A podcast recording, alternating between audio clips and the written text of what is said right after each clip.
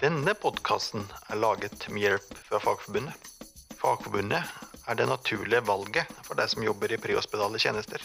Vi ivaretar dine lønns- og arbeidsrettigheter og bidrar til at du får faglig utvikling i yrket ditt. Jobben vår er at du skal være trygg på jobben din. Bli medlem du også. Meld deg inn på fagforbundet.no. Da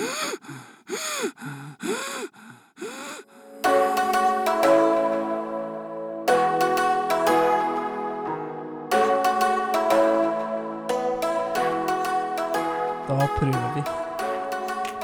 Hei og hjertelig velkommen til en ny episode av podkasten Du puster for fort.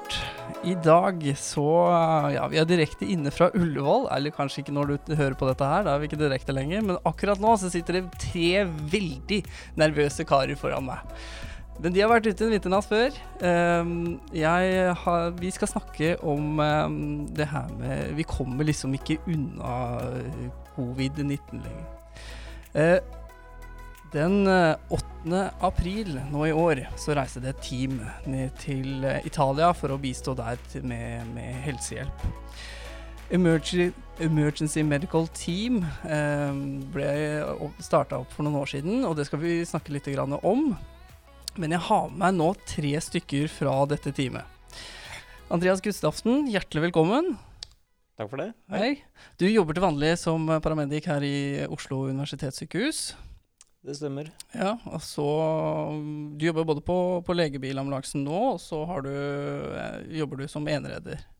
På motorsykkelambulansen og ansatt i sentrum på Sentrum stasjon. Ja. Og du, du, er også intensiv Nei, anestesi, beklager. Anestesisykepleier som bakgrunn. Mm, ja. ja. Uh, en annen som er med, det er Peder Fredrik Gustavsen. Hjertelig velkommen til deg også. Takk for det. Ja. Du også jobber, jobber, også som enreder uh, på, på uh, Ullevål sykehus. Det stemmer. Ja. og du også med til, du er også med på dette teamet. Det er jeg. Ja. Og sist, men ikke minst, han har vært med i podkasten før, han. Mange som har hørt han før. Uh, Carl Robert Kristiansen, hjertelig velkommen til deg også. Hei, hei, hei. takk skal du ha. Det kan hende du trenger en introduksjon nå også. du jobber som da paramedic, hovedinstruktør i OS. Uh, har en rolle som um, universitetslektor på Høgskolen i Oslo. Og du er også med i dette Emergency Medical Team, teamet. Ja. Det stemmer, ja. Jeg tenker vi kan begynne litt med eh, å forklare hva dette er for noe. Eh, dere, har hatt, eh, dere har hatt flere utenlandsturer, noen flere av dere. Um, kan ikke dere fortelle litt hva, hva, dette teamet er for noe?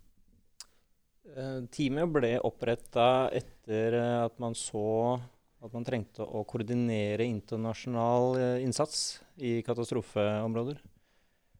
Um, for før man uh, fulgte systemet som uh, Verdens uh, helseorganisasjon har, har lagd, som, som, klassifiserer og, og, og, godkjenner internasjonale innsatsteam, så, så, var det veldig vanskelig å, å jobbe koordinert. Og over flere av de store naturkatastrofene så har det vært influks av masse forskjellige land, masse forskjellige organisasjoner som, uh, som har vært, uh, hatt sin egen agenda og, og, og fulgt sitt eget opplegg med, med, noen ganger eget utstyr, og noen ganger så har de endt opp egentlig med å bli en belastning for lokalmiljøet.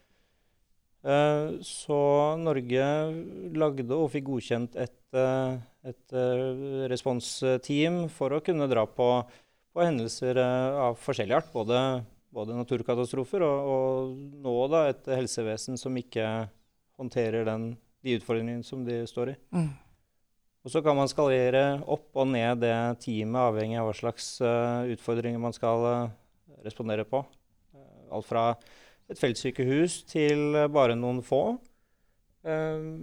som kan, som, kan, jobbe, jobbe uavhengig av, av ressursbehov der man er det er poenget å si da, at det handler om det, de klassifikasjonene du snakker om. da. Sånn at det vi er, vi er et EMT type 1.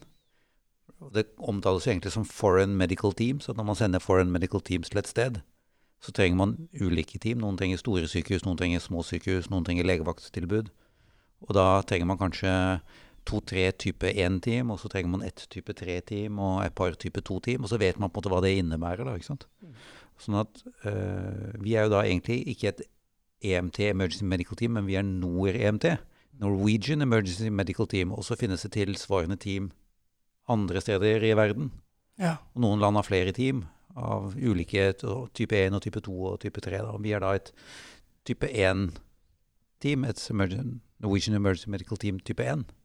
Som gjør at vi kan, skal kunne drive en sånn type storbylegevakt, eh, poliklinikk, og behandle inntil 100 pasienter i døgnet Ja. i seks uker. Og være selvforsynt med mat og drikke og medisiner og behandling og telt og lys og Og det er også en fordel at man snakker samme, samme grunnspråk med de andre teamene, så alle vet hva, som, eh, hva det innebærer å dra ut med, med det ene eller andre type teamet. Så man får et samarbeid eh, også ute et sted hvor, hvor samarbeid egentlig er ganske vanskelig. Da vet man i hvert fall eh, hva, hva de andre teamene kan tilby av tjenester. Man tenker seg til og med at et type 1-team, som er en sånn poliklinikk, eh, skal kunne være liksom akuttmottaket eller triasjeområdet til et type 2 eller type 3-team, som er mer sykehusbaserte, større, med kirurgisk kapasitet. At de skal kunne jobbe sammen. da. Hvem er det som Altså, det er jo Helsedirektoratet som har dette her. Helsedirektoratet eh, er en del av det. ehm, og så er det DSB, altså Direktoratet for samfunnssikkerhet og beredskap, som på en måte er vår arbeidsgiver i det vi eh, får tilbud eller mulighet for å dra ut. Da. Det er de vi forholder oss til sånn arbeidsgivermessig. Og hvordan er de selekterer de som skal inn i, i det teamet her? Vi ble eh, selektert på bakgrunn av at vi søkte og ble tatt opp i et eh, regionalt helseteam. Uh, som skal i utgangspunktet støtte nordmenn i utlandet i vanskeligheter. Um, så har alle helseregionene sine helseteam, og fra de helseteamene så ble det igjen selektert uh, personell til et nasjonalt uh, hurtigresponsteam. bestående av mellom 70-80 helsepersonell og støttepersonell fra, fra landet, fordelt på en del forskjellige profesjoner. Både, både helsefaglig, og, og, men også støttepersonell da, som kan eh, IKT og, og logistikk og andre sånne funksjoner. Mm. Det er helsepersonell fra hele landet. Ja, og for alle typer profesjoner så plukker man litt hva slags type folk man trenger, avhengig av land og behov og sånn. Ja. Er alle typer Eller eh, mesteparten sykepleiere, leger og noen paramediker som er i teamet. Mm. Men de fleste med, med sykepleierbakgrunn, har jeg skjønt. Grunnoppsett i teamet, hvis jeg husker riktig, så er, skal det være fire paramediker og åtte sykepleiere og fire leger. Er det det? Pluss logistikk og ledelse og er sånn. fire logg og ledelse, vel. Um, vi har jo I teamet så er vi også satt opp med to ambulanser som skal kunne eh, bemannes Ja. på oppdrag. Ja. Så derav er vel fire, fire paramedics som Ja. er satt inn i grunnoppsettet. Det Dette ligger- varierer jo litt fra oppdrag til oppdrag også, hvordan man velger å sette det sammen. Vi går videre, vi. D dere har jo nå vært i, i, i Italia. Dere um, reiser nedover. Eh, sånn som jeg skjønte det, så fikk dere ikke sånn innmari god varsel. Eh, 8. april eh, reiste dere. Når fikk dere mm, Når fikk dere beskjed om at dere, dere var en del av det teamet som skulle nedover, og hjelpe til? Um, vi fikk en headsup på en mail eh, ca. en uke vel i forkant, eh, med mulighet for utreise etter påske, var den første eh, lille eh, varselet. Eh, og så var det vel lørdag kveld, hvis ikke jeg husker feil, altså den 4. april blir det vel, eh, så tikka det vel inn en, eh, en forespørsel om, eh, om hvem som hadde mulighet for å dra. Eh, og når det da ble banka ganske kjapt i løpet av søndagen, så var det oppmøte på Starum på mandag ettermiddag for min del. Og avreiste til Italia på onsdag morgen. Så det gikk jo forholdsvis slag i slag. Eh, det, er, jo så, det er jo sånn vi er satt opp for å fungere òg, Ja, tenker jeg. ja ikke sant? Skal kunne være egentlig operasjonelle hvor som helst i verden på 36 timer, er det ikke Og det? for, jeg tror klinikken skal være, kunne satt, være satt opp hvor som helst i verden innen altså innen 48 timer. Ja. Tror jeg det er, eh, 40, 48, det var vanvittig. Fra vi drar til, til han, vi er i drift, skal det gå 48 timer. Det er fra vi blir varslet, tror jeg. Vi Ja. sitter jo med, egentlig med ferdigpakka utstyr hjemme, sånn utdelt. Eh, Men denne gangen så var det jo på en måte tanken at vi skulle ha litt opptrening og litt kursing før vi dro ut, som er på en måte annerledes enn det som vanligvis er tanken. Så det ble veldig intensivt da, de to dagene med, med kurs. Ja, det ble brukbart mye å gjøre de dagene. Det var lite dødtid. Ja. Ja. Det var det. Det var smittevern og, og de del, repetisjon på de delene der, eller var det eh, Ja, det, var mye, det var mye det, men samtidig så visste vi jo ikke helt hva vi skulle forberede oss uh, til. Altså vi, altså En ting er jo smittevern og, og, og hvordan man skal kle av og på seg, men, eh, men eh, for å kunne gjøre det eh, på en trygg måte, så er man jo egentlig nødt til å vite hvor man skal gjøre det. For å vite, vite uh, hvilke soner man kan bevege seg i, og, og hvilke soner som skal anses som, som rene. Og, og, og det visste jo ikke vi. Vi visste heller ikke hva slags jobb vi skulle gjøre i, når vi kom til Italia, før egentlig vi var på bakken i Italia og fikk en brief. Mm. Så vi, så vi måtte bruke mye av tida eh, i forberedelsene på å forberede oss på egentlig flere mulige scenari- scenarioer. Um, og, og egentlig eh, bare ha en sånn generell eh, opplæring i, i, i smittevern, som du sier, men, men på et sånn generelt grunnlag.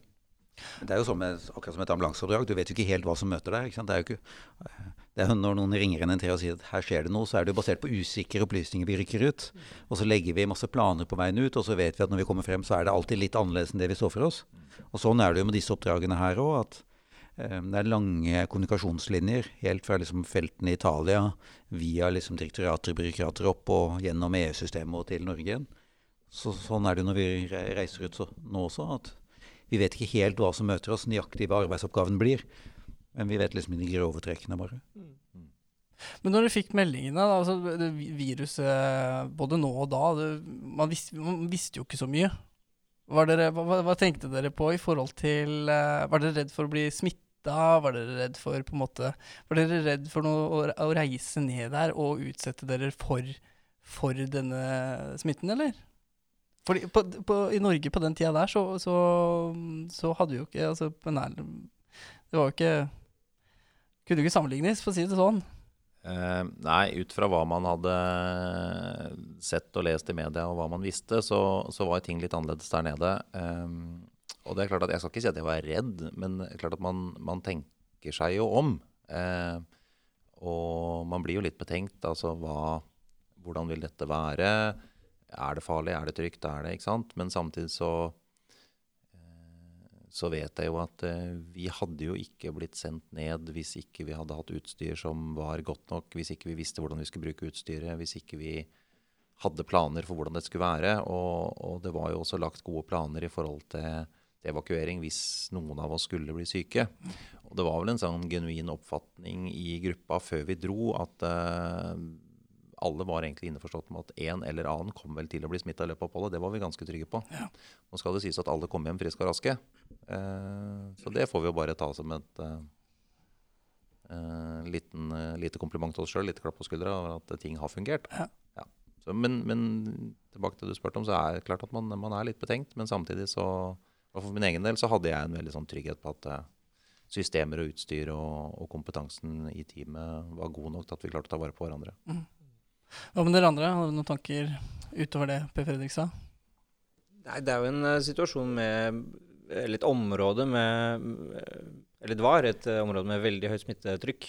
Eh, og, og det man så i media, var jo Stemte jo for så vidt med det inntrykket jeg fikk når jeg kom ned, men, men, men det var jo det at helsevesenet ikke hadde makta i det hele tatt å håndtere det, antall alvorlig syke som de, som de gjøre. Eh, og det, det preger jo litt eh, eh, følelsene før man drar et sånt sted. Eh, vi var jo kjent med sykdommen som Hvordan den arta seg litt fra jobben her i ambulansen før vi dro ned. Vi hadde jo kjørt en del eh, covid-pasienter før, før vi dro til Italia. Møtte, møtte de i, større, eh, større skala, da, men, men, men eh, det var ikke så det var ikke en så ny eh, opplevelse som, som andre smittsomme sykdommer kan være.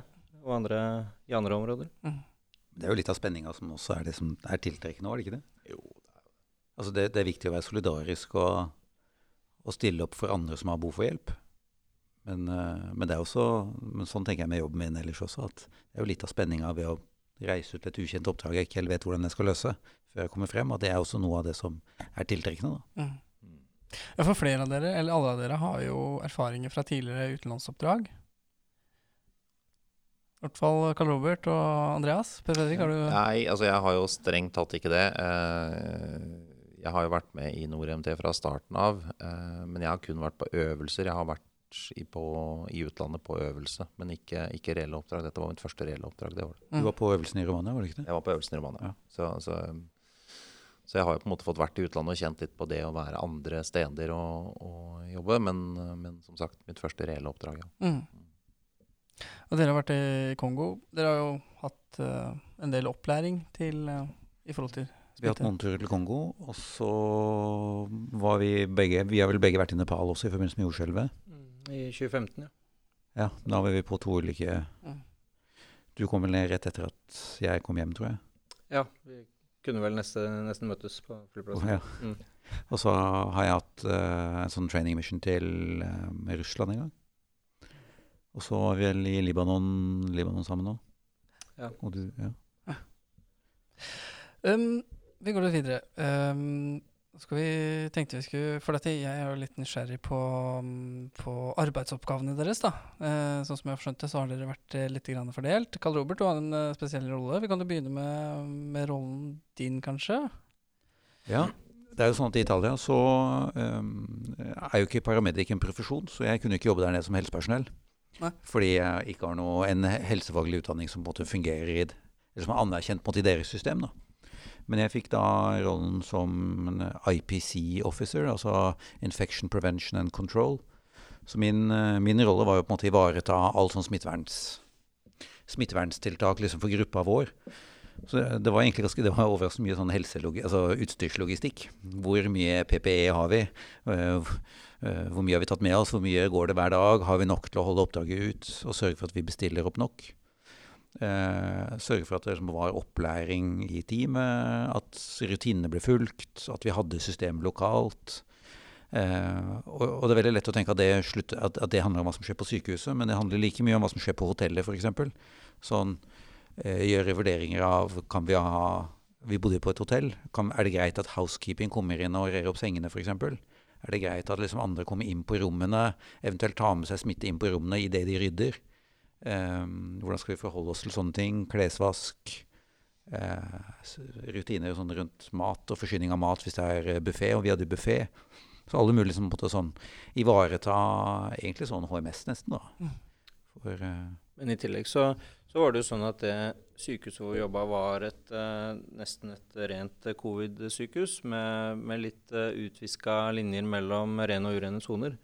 Og jobben din med å, å skape trygge soner og trygge friområder for, eh, for eh, alle som, som var der, var jo eh, ganske vesentlig for, for mange av oss, tror jeg. Mm. Det, at, det å, det å lage, lage trygge, trygge havner i et ganske ut, utrygt område. Så du var litt, litt, sånn, litt sånn mor for hele gruppa? da, Karl? Vi hadde Tom òg, som også var mor. Vi hadde en, en logistiker som var veldig flink til å ta vare på folk. Ja. Men, men jeg tror sånn HMS da, er jo sånn, sånn Og det er klart at så er spørsmålet hvor langt drar du det. Det ene er den følelsesmessige her er det en trygg havn. Og så går det på å passe på at folk drikker nok når de har på seg PPE. Og, eh, men kan den opplevelsen av trygghet, og den faktiske tryggheten, i hvert fall spesielt på smitteverns, Ja. smittevernssida, da. Du, viktig rolle, da. Um, kanskje fort gjort å glemme mange av de der småmomentene hele tiden. Uh, så når du går og passer på da, så er det mye lettere å Å, nå er jeg Karl, han tikker på meg i ryggen, eller Ja, Nå må jeg drikke nok. Ja, ja og drikke, og så liksom uh, uh, ja, Folk begynner? Folk smører seg med håndkrem, men plutselig så får de sprekker på hendene likevel, og det blir tørre over lang tid, og har vi noen løsninger for det? Og jo da, vi har med lokoidkrem. Men bare det å følge med på det, og vite at liksom For folk er ikke helt bevisst på at de får ha tørre hender og sprekker på hendene, eller melder ikke fra når ting ikke funker, eller begynner å få gnagsår på snuta pga. Uh, maskene de har på seg, eller uh, de tingene der. Så ganske, ganske, ganske interessant sånn både sånn smittevernsfaglig, Men også sånn logistisk og sånn teammessig. Hvordan har teamet det nå? Er folk fornøyd? Føler folk seg trygge? Eh, er hver enkelt god nok? For det er klart at det skal ikke mer enn én til som tar med seg smitte inn i gruppa. Nei. Eller begynner å glemme seg, eller ikke vasker eller desinfiserer hendene før de går og forsyner seg på andre runden rundt buffetbordet. Um, så det er litt sånn nitidig, men veldig, veldig sånn faglig spennende. altså. Mm. Men var det en rolle du var drilla på, eller var, var det en rolle du ble satt til på da? Nei, nei det oppdraget det var egentlig derfor jeg ble tatt ut til teamet. Så jeg, jeg ble jo ringt opp uh, på lørdag kveld. Uh, og altså, før et sånt team sendes ut, så gjøres en risikovurdering. Og en sånn risikovurdering, da scorer de ulike sider. Da, alt fra kriminalitet og terrorisme og naturfare, og hvor godt fungerer lokalt helsevesen, og hvordan er evakueringslinjer. Og det som hadde skjedd med dette oppdraget her, er at det var, um, hadde fått en faregrad som veldig høy. Ble vurdert som et veldig risikabelt oppdrag. Og, man, og det var fordi det er så høyt smittetrykk der nede. Og fordi lokalt helsevesen er overbelasta, som både var to sånne faktorer. Og når man på en måte ser eh, at en risiko er høy, så er det spørsmål kan man gjøre noe med det. Og en av de tingene som da var besluttet, at man skulle putte på en i teamet som hadde et spesielt fokus på smittevernsbeskyttelse. Da. Eh, og da var det på en måte jeg plukket ut av teamlista, altså av rosteren, eh, av de 80, da, eller 70-80 som står på lista, så var på jeg plukka ut til å få den oppgaven. Så jeg visste det før jeg dro ut, at det var, det var min rolle. da. Mm. Eh, og det var egentlig en periode da jeg først ble ringt, så var det egentlig spørsmål om vi kunne reise ut da med en gang, egentlig. Eh, eller dagen etterpå, sånn tidlig dagen etterpå. Eh, sammen med teamledelsen og senior medical officer. Eh, for å gå ned og se hvor vi skulle være, og så på en måte bedømme stedet. eh, for å kunne legge bedre planer for når resten av teamet kom ned. Eh, men så Det var ikke mulig å oppdrive fly. Det var ikke noe fly til Dala på den tida? Der, da? Nei, det var. Så i mangel av, ja, så i mangel av reisemuligheter, da, så reiste vi ned som ett team, og det tror jeg egentlig var greit. Ja. Eh, fordi det, det var mye arbeid for oss også de dagene før vi reiste ut. Mm. Eh, Andreas og Per Fredrik, dere var jo mer pasientretta. dere så, så pasienter. Dere reiste ned for å jobbe med pasienter. Um, hva, når dere kom ned der, hva, hvordan, hvordan så det ut? Hvordan var eh, de som allerede hadde sto i det, hvordan så helsepersonellet som jobba ut når dere kom ned? Var de slitne, eller var det var ting tilrettelagt? Kohorter? Um, litt som Andreas nevnte i stad, at det, vi kom jo til et sykehus som, eh, hvor det var ganske utviska linjer mellom rent og urent, eh, sånne ting, fordi at de hadde fått dette rett i fanget. De hadde ikke hatt mulighet for å opprette. Så at det, disse kohortene og alt dette som vi på en måte har fått tid til å forberede her, det, det eksisterte jo ikke der. Ehm, min opplevelse er at vi kommer til et eh, sykehus som eh, er overbelasta. Det er helsepersonell som har stått i krigen eh, lenge, som er slitne, men de er på jobb. De har høy arbeidsmoral, de jobber godt. Sykehuset er godt organisert. Til tross for at de vel på altså ankomstdagen vår så hadde de vel omtrent fire ganger så mange respiratorpasienter som de i utgangspunktet har plass til. Eh, så det er klart at det var et overbelegg, men de hadde på en måte fått hodet over vannet. De hadde fått organisert seg. De, de var på en måte i god drift. Så, så det ble jo en sånn eh, solidarisk eh, greie, det å komme og stå skulder ved skulder. Samt at vi selvfølgelig var noen ekstra hender som kunne hjelpe til da med, med de daglige rutinene og gjøremålene. Mm. Som kunne avlaste de litt, så de kanskje kunne ta seg en eh, litt lengre lunsjpause, eller de kunne ordne sånne ting. Så det var vel på en måte førsteinntrykket vårt der nede. Og veldig takknemlig gjeng som tok imot oss. Altså, Ja. Fra første dag. Fra første dag. Det var, vi ble tatt imot med åpne armer. Ja. Veldig stor takknemlighet. Hvor lett var det å overta på en måte mm, de arbeidsoppgavene som, eh, som var der nede, da? Så dere ble kasta rett inn i det? Um, det var jo en språkutfordring. Det var ikke så mange Ja, ikke i teamet som snakka Ja. italiensk, og det var ikke så veldig mange som vi møtte, som snakka godt engelsk, så, så, med noen unntak. Så det var eh, mye, mye håndspråk, og, og, og det er klart at da skal man være litt nøye med hva slags oppgave man tar på seg også. Det er ikke da man skal drive utspørring av pasienter, eh, kanskje. Mm. Um, så, så, jeg for min del jeg starta med de helt uh, enkle oppgavene som jeg tenkte at de andre var uh, lei av å gjøre. Uh, håndtering av smittevernsavfall, smitteavfall f.eks. Og, og, og gjøre sånne basale, enkle ting inne på sykehusavdelingen. Og så bygge på etter hvert som, som som de ble trygge på meg, og jeg ble trygge på, trygg på oppgavene. Um, og, endte liksom med å fungere som en, uh, som en sykepleier på, på postene. Mm. Um, men det var en bratt uh, læringskurve, men både fra deres side og vår. vi snakka litt om det å det, Hvis situasjonen hadde vært motsatt, og det å fått en gjeng med italienere inn på vår ambulansestasjon eller uh, vår eh, sykehusavdeling. Hvordan vi hadde mottatt, uh, mottatt uh, den hjelpen. Um, for det tar, tar, jo litt tid før man begynner å produsere, og så havner man midt i en krise og skal jo egentlig begynne å jobbe fra første, første minutt. Um, det tror jeg vi klarte, fordi samarbeidet med italienerne var såpass godt som det var, og, de, og vi var veldig ønska. Så mm. alle strakk seg enda litt lenger for å få dette til å fungere sånn helt i starten, og så gikk det mer av seg selv uh, i løpet av den tida vi var der. Skal ikke glemme at du snakker jo nesten flytende italiensk. Du var jo så aktiv på Duolingo at du var jo som italiener. Etter uh, tredje dagen, ja.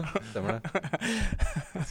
Omtrent like god som du har blitt på både fransk og spansk de gangene du har vært ute og reist. Altså Duolingo, altså. Det racer på håndspråk, i hvert fall. Veldig bra. Hva slags uh, avdelinger uh, var dere på? da? Jobba dere på? Jeg ble, ble, plassert sammen med Håvard fra Helse Nord nede på den opprinnelige intensivavdelingen deres. Ehm, jeg har jobba litt på intensiv for mange mange år tilbake, så det var litt sånn spennende, det. Mm. Ehm, det som på en måte redda mye av det, var jo at eh, mye av utstyret er gjenkjennbart. Eh, rutinene er gjenkjennbare. sånn at det var ikke sånn eh, kjempevanskelig å komme inn i det. Og de var som sagt veldig på tilbudssida med å få ting til å fungere, disse, disse som allerede jobba der. Eh, så, så det, det, gikk egentlig veldig greit. Det var veldig spennende. Det er klart at det er tunge pasienter. De ligger lenge på respirator, eh, og med de følgeutfordringene og følgeskadene det gir. Da. Så det er mm. klart at det var, det var heftig, heftig, på mange måter. det som var annerledes der fra hva jeg var vant til, i hvert fall fra, fra min tid på intensiv, er at her i Norge så tilstreber vi å jobbe én til én, altså én sykepleier per pasient. Eh, mens der nede hadde de jo ikke kapasitet til det, så der var det én sykepleier til to pasienter. Så det er klart at når vi da kommer, så blir jo det et kjærkomment bidrag for å få litt mer flyt i ting. Sånn at eh, pasientene kan snus litt oftere, de kan vaskes litt bedre og sånne ting. Eh, når det er sagt, så ble jeg veldig imponert sånn i starten. På, til tross for at de var overbelasta og hadde lite personell, så var de, de basale tiltakene i forhold til hygiene, skifte på sengetøy for å på en måte minske smitte overføring var, veldig, var de veldig veldig flinke på og nøye på. I hvert fall mm. nede hos oss. Så det, det, var en veldig positiv greie midt oppi det de sto i. Mm. mm. Ja, for det er kanskje det um, lett å Som har bygd svære kohorter, så lett å, sluntre på veldig mye. Og er sliten i tillegg, så Og viktig, viktig punkt. Helt sikkert. Eh, det er klart at det, det, er de helt enkle, basale tingene som ofte glipper når man blir sliten. Det er jo sånn det er. Sånn er jo mange av oss mennesker uh, skrudd sammen. Og, og, det så jeg jo nede hos oss også, at det, det var jo sånne helt enkle ting som det glapp på noen ganger i forhold til smittevern. ikke sant? Altså hvor man tar seg med hendene som jeg ikke nødvendigvis er reine. Mm. At man er bevisst på ja, munnbindbruk og en del sånne ting. ikke sant? Så det var vel det vi la merke til at det, det, det glapp innimellom, og det var selvfølgelig fordi de var slitne. Og fordi de har hatt lite ressurser, da, altså lite utstyr. Så de har på en måte måttet mått spare på det også.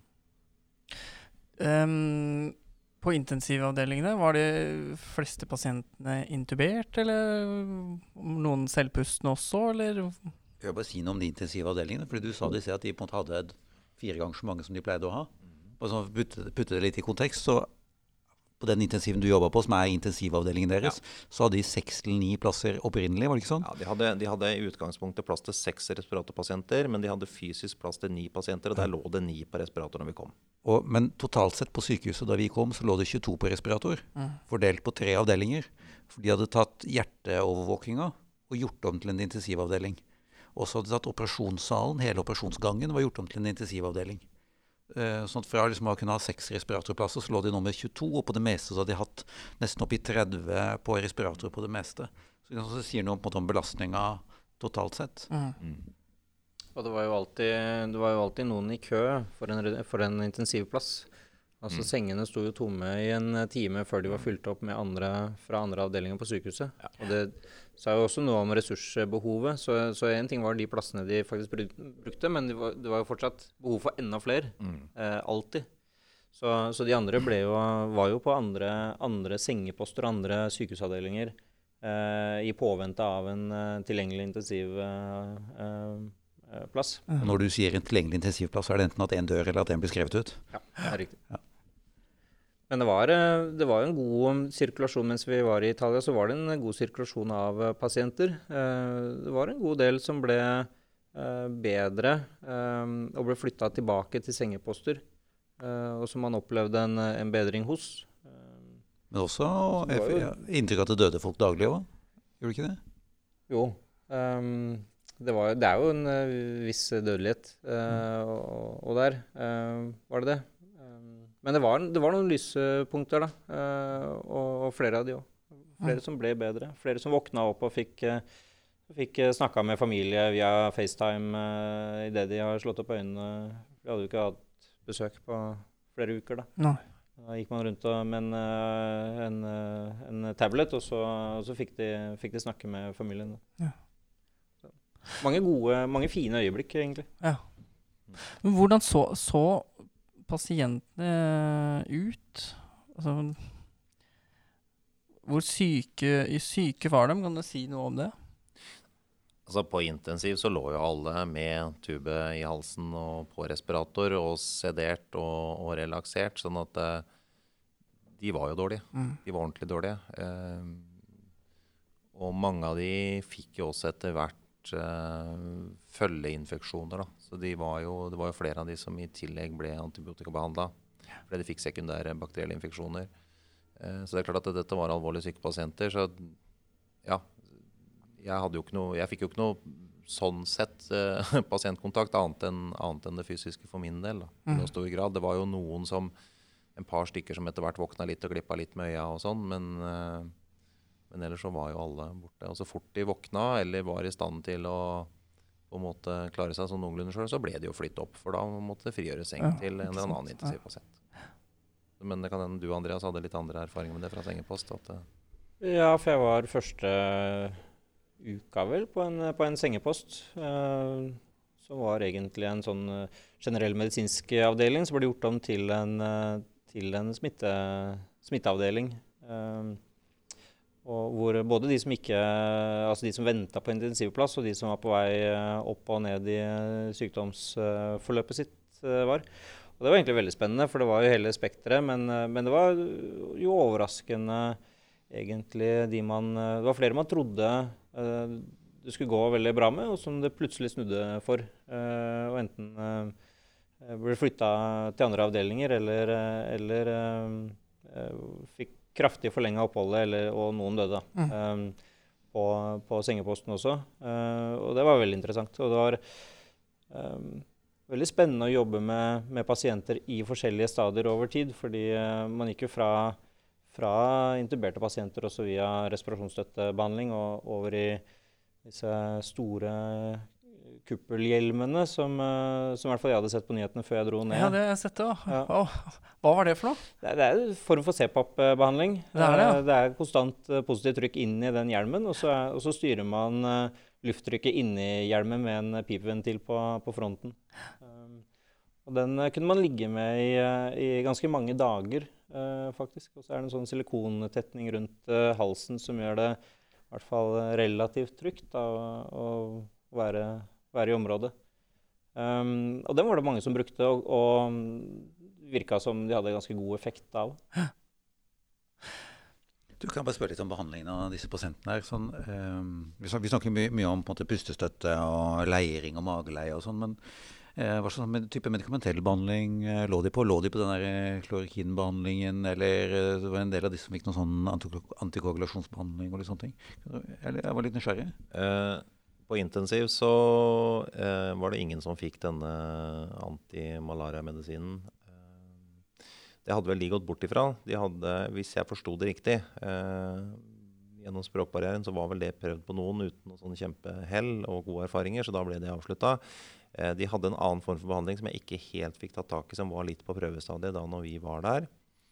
Eh, men eh, de ligger sedert, de ligger med antikoagulasjon stort sett lenger. For det de ser, er jo at det dannes mye mikroembolier overalt. Um, og, og eventuelt da så er det, jo, er det jo antibiotika hvis de skulle få en sekundær eh, eh, infeksjon. Da. Så um, i grove trekk så var det det, og så var det selvfølgelig noen som, som fikk litt forskjellig hjertemedisin eller sånne ting hvis de hadde noe fra før, eller det var et eller annet som hadde, hadde dukka opp underveis. da. Men ellers så var det stort sett pustestøtte. Og det var jo mye pustestøtte på de alvorligste av tilfellene hos oss, i hvert fall. Det var det. Høye, høye oksygenkonsentrasjoner og høye trykk. Ja, det er jo eh, I forhold til intensivmedisin, og spesielt der, du vet jo på en måte at man, disse pasientene krever en høyere, høyere pip. Mm. Eh, hva slags erfaringer gjorde du der, eller hva så du der nede i forhold til det? De, de fleste lå med en høy, høy pip. Eh, de virka som uh, tålte det godt. Um, det var, uh, var mye respirasjonsutfordringer. heller det enn sirkulasjon. så de tålte, tålte høy pip, og, og virka som de hadde ganske god effekt av det, i tillegg til snu, hyppig, hyppig, snu, hyppig mageleie. Um, og de CPAP-hjelmene som de lå med, lå de også med relativt høy pipe, pip, uh, i hvert fall initialt. Og så, så, gikk man litt ned utover i, utover i forløpet, da, utover i dagene. Mm. Nå er det gressgruppe bak her, så får bare tåle. Men eh, i forhold til blod, blodgassverdier og sånt nå, da, på, de, på, på de sykeste Eller på de syke pasientene um, Har du sett noe så lignende før på, på intensivavdelinger?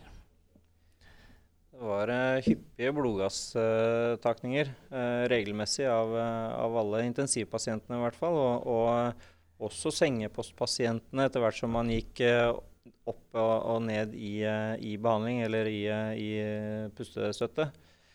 for å se om neste nivå var tilfredsstillende. de dårlige hadde jo veldig Eh, veldig stor avstand mellom eh, mengden oksygen de eh, fikk inspirasjonslufta og uh, mengden oksygen i blodet, som på en måte er en pekepinn på, på hvor uh, god uh, lungekapasitet og gassutveksling man, man har. Mm. Og, og, de dårligste lå med ganske, ganske stor avstand der, ganske stor differanse som, en, eh, som et, eh, et, dårlig mål, da. men som hos noen bedra seg. og Man kunne se blodgassverdiene eh, bedre seg, eh, ikke dag for dag, så i hvert fall eh, hos noen mm. i løpet av den tida vi var der.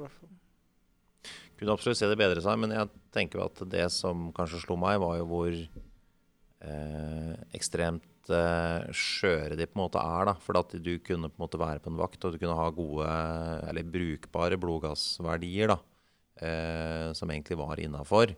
Eh, og så kunne du på en måte komme dagen etterpå, og da får du rapport fra, fra forrige vaktlag. ikke sant? Og da har det på en måte bare i løpet av noen timer så har det rasa rett i ja. bånn. Sånn at det, de balanserer veldig veldig på en knivsegg eh, i forhold til, til, hvordan det er. Og det, om det da er fordi at eh, kanskje sedering er sluppet opp litt, slik at jeg begynte å puste litt imot, eller eh, om det er noen små justeringer på respiratoren som har gjort det. ikke sant? Men det er ørsmå eh, justeringer som, som, betyr veldig mye. Men selvfølgelig, det er jo kanskje ikke så veldig rart. Da. Det er jo, det er jo steindårlige pasienter som ligger på intensiv. så det og det er jo ganske, det er så mange pasienter at, man, at eh, de ansatte også, i hvert fall på den uh, intensivavdelinga som var, eller den hjerteovervåkninga som var gjort om til intensivavdeling, at man plukker seg ut noen man uh, håper ekstra på. Vi hadde et som ble kalt uh, påskemirakelet, som uh, i, i utgangspunktet mot alle odds ble mye bedre.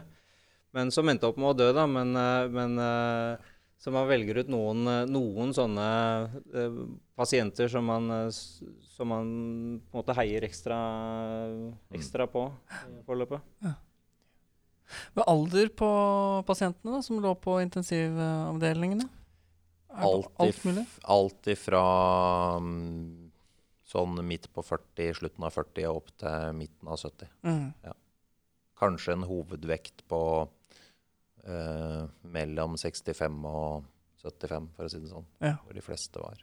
Så, ja, voksne pasienter, men i hvert fall uh, fortsatt ikke veldig gamle, og, og, på en måte fysisk og mentalt veldig oppegående folk, sånn som jeg forsto det. ikke sant? Med, mm. med, mye ressurser. da. Skal jo legges til at de for noen uker i forveien, eh, hvis jeg skjønte det riktig, da var det alle over 60 ble ikke intubert. Sånn at de har vært i en 60? Ja, og de har, de, har vært, de har drevet med ganske sånn hard triasje. Sånn at dette er jo også sånn, sånn representativt for at de begynner å komme seg som system. da. Uh, det er et godt poeng. Mm.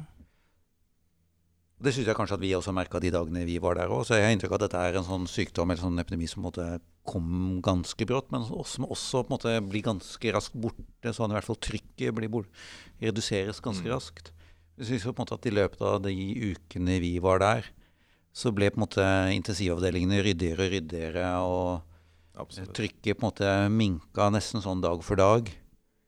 Vet ikke hva dere tenker om det? Jo, helt enig. Og det er jo helt tydelig at eh, eller virker tydelig for meg i hvert fall at, eh, at de smittevernstiltakene som blir, eh, blir innført, virker. For i Italia så var det jo lockdown. Det var jo ingen muligheter til å gå ut og handle noe annet enn mat og medisiner. Og det kom jo på plass etter at den store bølgen med nysmittede kom på sykehus. Så, så stengte man ned hele samfunnet, og så uh, måtte man jobbe med de pasientene som allerede var syke, men da var ikke tilsiget så stort. Mm. Fordi uh, få nye ble smitta, og få nye trengte, trengte, sykehusbehandling. Kanskje vi skal legge til at de har også hatt mye strengere tiltak i samfunnet enn det vi er kjent med her i Norge. Altså, mm. ja, ja. altså de, når, når vi, om, vi, har snakket om lockdown i Norge, men, men der snakker vi på en måte om portforbud. Mm. Ja. Altså du, du, kunne gå på butikk og apotek, og ellers så kunne du ikke gå ut. Nei. Hvis du hadde hund, så kunne du forlate ytterdøra di 200 meter hvis du gikk tur med hunden. Utover det så kunne du ikke gå ut døra. Så de har jo hatt mye strengere, mye lengre situasjon med på en måte nedlåsing av samfunnet. da. Mm. Som jo har ført til at de fikk ganske god kontroll i, i smittespredninga etter at den første bølgen kom. Mm. Og, og, vi, og vi traff jo vi traff jo på toppen av bølgen, kanskje, men etter at, etter at, man begynte å jobbe med Etter at man, som du sa i stad, var, var, i en driftsfase, mm. um, så ble det jo først oversvømt og ikke så noen ennå. Og så stengte man ned, og så måtte man bare forholde seg til de pasientene som allerede var syke, og få de gjennom et sykdomsforløp. Mm. De sa jo det altså sånn, i forhold til bølgen som kom. De, de hadde jo altså i nærmest i løpet av det altså Når, når liksom bølgen kom, da, det første døgnet, så tidobla de jo antall innleggelser gjennom akuttmottaket. Mm. Ikke sant? Og etter det så bare økte det. Mm. Så på det verste så Jeg tror de Normalt sett så hadde de på det sykehuset vi var, eh, en sånn 10-12-15 pasienter var snitt i døgnet med innleggelser. På det verste hadde de over 300. Så det er klart at de, de, de, de Med ta Med, med pasienter inn på sykehuset. Vi hadde snakka med sykepleiere som uh, jobba i mottak, som uh, uh, gikk tom for utstyr uh, fordi de var jo ikke forberedt i det hele tatt. Som gikk over til å, å, å velsigne pasientene. Altså De skjønte at de kom til å dø, for det var ikke noe tilbud på sykehuset. Så, så det de gjorde, var å gå og, og bare snakke med pasientene på, på, på dødsleiet. Og hadde, veldig, hadde flere titalls eh, døde pasienter i løpet av, løpet ett skift. Mm. Um, vi var ikke forberedt verken på, med tanke på utstyr eller personell eller, eh, eller fasiliteter. Mm. Uh, og køen med ambulanser var, uh, var så lang at um, innen pasientene kom inn, så var de døde. sa, sa flere mm. vi var i Italia. det, det lille de sa, egentlig, for de ville jo ikke snakke så mye om det, for det var tydelig at dette hadde jo prega de veldig. Ja. Så det var, ikke, det var ikke så mye vi, i hvert fall ikke jeg opplevde at jeg fikk ut av de. De var ikke så veldig glad i å snakke om det der. Nei, det var flere som begynte å gråte spontant når de prata om de siste, siste ukene. For det var eh, Man må jo gå ned på kvalitet når man uh, står med vegg mot, uh, rygg mot veggen. Ja. Um, og, og, og det å snu pasienter så ofte som man egentlig skulle ha gjort, og, og følge opp medisinering så ofte som man gjerne skulle gjort altså det alle, uh, Man må gjøre best for flest i en sånn situasjon. Den der hjelpeløsheten du føler, tenker jeg, når du står der da, og blir på en måte oversendt pasienter, og du skulle gjerne ha hjulpet de, men ikke har du ressurser og ikke har du utstyr. ikke sant? Det, det er en fryktelig vond følelse. da. Kjente, kjente dere på den eh, ofte der nede? Nei, jeg kan ikke si det. For at når vi kom, så hadde de jo, som jeg sa i stad, fått huet og vannet. Altså, de hadde på en måte utstyret på plass. De hadde fått uh, rutinen, de hadde fått organisert seg. De hadde på en måte Det var bare at det var veldig travelt, for det var veldig mange. Eh, men de hadde på en måte fått landa det, så det var et system da, i det. Så jeg følte vel aldri at at jeg på en måte aldri strakk til. Jeg følte på en måte at vi hadde det vi trengte for å gi de pasientene den pleia og behandlinga og stellet de trengte. Det er litt interessant den forberedtheten. Som dere sier de, de var på aldri forberedt. Eh, vi har jo begge vært en tur i Singapore fått lov til å besøke noen sykehus der. Og det som var interessant med de akuttmottakene i Singapore, er at de, eh, de har tre dører. Eh, det ene er for gående og sittende. Og det ene er for andre døra for liggende, og den tredje døra er for uh, mistanke om smittsomme sykdommer. Og alle pasienter på vei inn i sykehuset blir screena. Og da er det sånn, Hvis de mistenker en smittsom sykdom, så rygger de ut og går inn den tredje døra. Og sant, hele, liksom, hele sykehusstrukturen er jo måte, forberedt på en, på en epidemi. da. Det er klart at De har hatt eh, eh, SARS-epidemi før, de, ikke sant? og de har hatt MERS og litt sånn. Det er klart at Når du på en måte ser på Sør-Korea og, eh, og Taiwan og, og Singapore, og hvordan de har klart å de har kommet seg veldig godt gjennom dette her ved å være forberedt og ha vært utsatt for, for epidemi før. Eh, og det er jo en lærdom vi kan måtte trekke ut, vi også. Hva andre ting har dere dratt med dere altså, Vi har snakka mye nå, men eh, hva er det dere vil trekke frem som dere har eh, Som dere ta, har tatt med dere hjem? da? Og hva slags erfaring har dere tatt med dere hjem og tenker at eh, dette har jeg lyst til å videreformidle? Eller at dette skal jeg bruke i hverdagen? Jeg har tenkt over at vi jobba i, i et område med veldig høyt smittetrykk. Eh, vi var flere som jobba på sengepost hvor eh, man lå med CPAP-masker som skapte mye aerosoler i, i rommet. Um, men ingen kom hjem med infeksjon. Alle var eh, friske. Og det tror jeg er pga. de basale smittevernstiltakene som vi, som vi har brukt. At vi har fulgt, pros fulgt prosedyre. vi har vært veldig nøye med håndhygiene. Um, og vi har støtta hverandre uh, hvis, vi har, uh, har sklidd og glemt, eh, glemt noe. Um, kameratredning underveis. Men jeg, men jeg tror at uh, det, å, det å ivareta personlig hygiene på de små, vanlige, hverdagslige tingene gjør at man eh, begrenser smitte, smitteoverføring. Eller, ikke bare noe jeg tror, men, men jeg har fått eh, bevist det for meg selv Ja. i Italia. Den andre? Ja, jeg er litt enig med deg, eh, Andreas. Fordi at, og Det er det jeg tenker om at nå når vi kommer hjem og vi ser altså samfunnet åpner opp, garden slippes litt ned, eh, så må vi som skal håndtere de fortsatt syke menneskene på, med alle mulige diagnoser og sånne ting, så skal vi fortsatt eh, være på i forhold til det med smittevern. Vi skal hjelpe hverandre, vi skal minne hverandre på det. Vi skal være flinke på det. tror jeg er utrolig viktig. da. Eh, og på et litt sånn overordna nivå, det at ledelsen rundt omkring eh, på de forskjellige nivåer er på en måte har planer for. Nå har de jo på en måte lagt gode planer eh, så langt, så vidt meg bekjent, det jeg har erfart. Men, men at vi på en måte neste gang har planer og vi har utstyr, og på en måte sånn at vi slipper å være på hæla. Og den usikkerheten, for den er, den er et, et unødvendig stressmoment. da. At vi vet at vi har utstyr nok, og at vi vet at vi har planer og at vi har eh, ting som, som gjør at vi blir eh, at, vi, at vi har rutiner, retningslinjer og prosedyrer som gjør at vi, vi klarer å ta vare på oss sjøl og pasientene våre. Jeg har lyst til å si to ting som henger litt sammen. og Det ene handler om at jeg har fått en litt sånn ny forståelse for hva solidaritet er. Ny sånn bevissthet rundt det. Mm. Fordi solidaritet det handler ikke bare om å reise ut og hjelpe andre, men det handler om å kunne reise ut og hjelpe andre også når, du, når det koster deg noe. Ikke sant? Eh, Det er ikke bare almisser. Du, du gir ikke bare overskuddet ditt, men, men det koster oss noe. Og, og jeg er ganske stolt over å være en del av det norske samfunnet som turte å sende helsepersonell ut. I en fase av epidemien vi fortsatt ikke visste om vi var på stigende kurs eller ikke. Så, så turte vi på en måte å, å avse noen av våre, selv om vi kanskje var tiltrengt personell her. Så det er jeg utrolig takknemlig for. Um, da, men det andre som da, egentlig fortsettelsen av det, var jo på en måte å komme ned dit og så plutselig begynne å erkjenne at men hvorfor har det gått så bra i Norge? Fordi vi var jo ikke veldig mye mer forberedt i utgangspunktet. Men det er klart at vi fikk jo tre uker å forberede oss på. Og Grunnen til at vi hadde tre uker å forberede oss på, var jo fordi italiensk helsepersonell var jo så utrolig gode til å skrive ned sine erfaringer og være aktiv i medier og publisere og sende budskap ut, sånn at vi andre kunne være forberedt. Det er klart at det er jo ganske solidarisk av dem.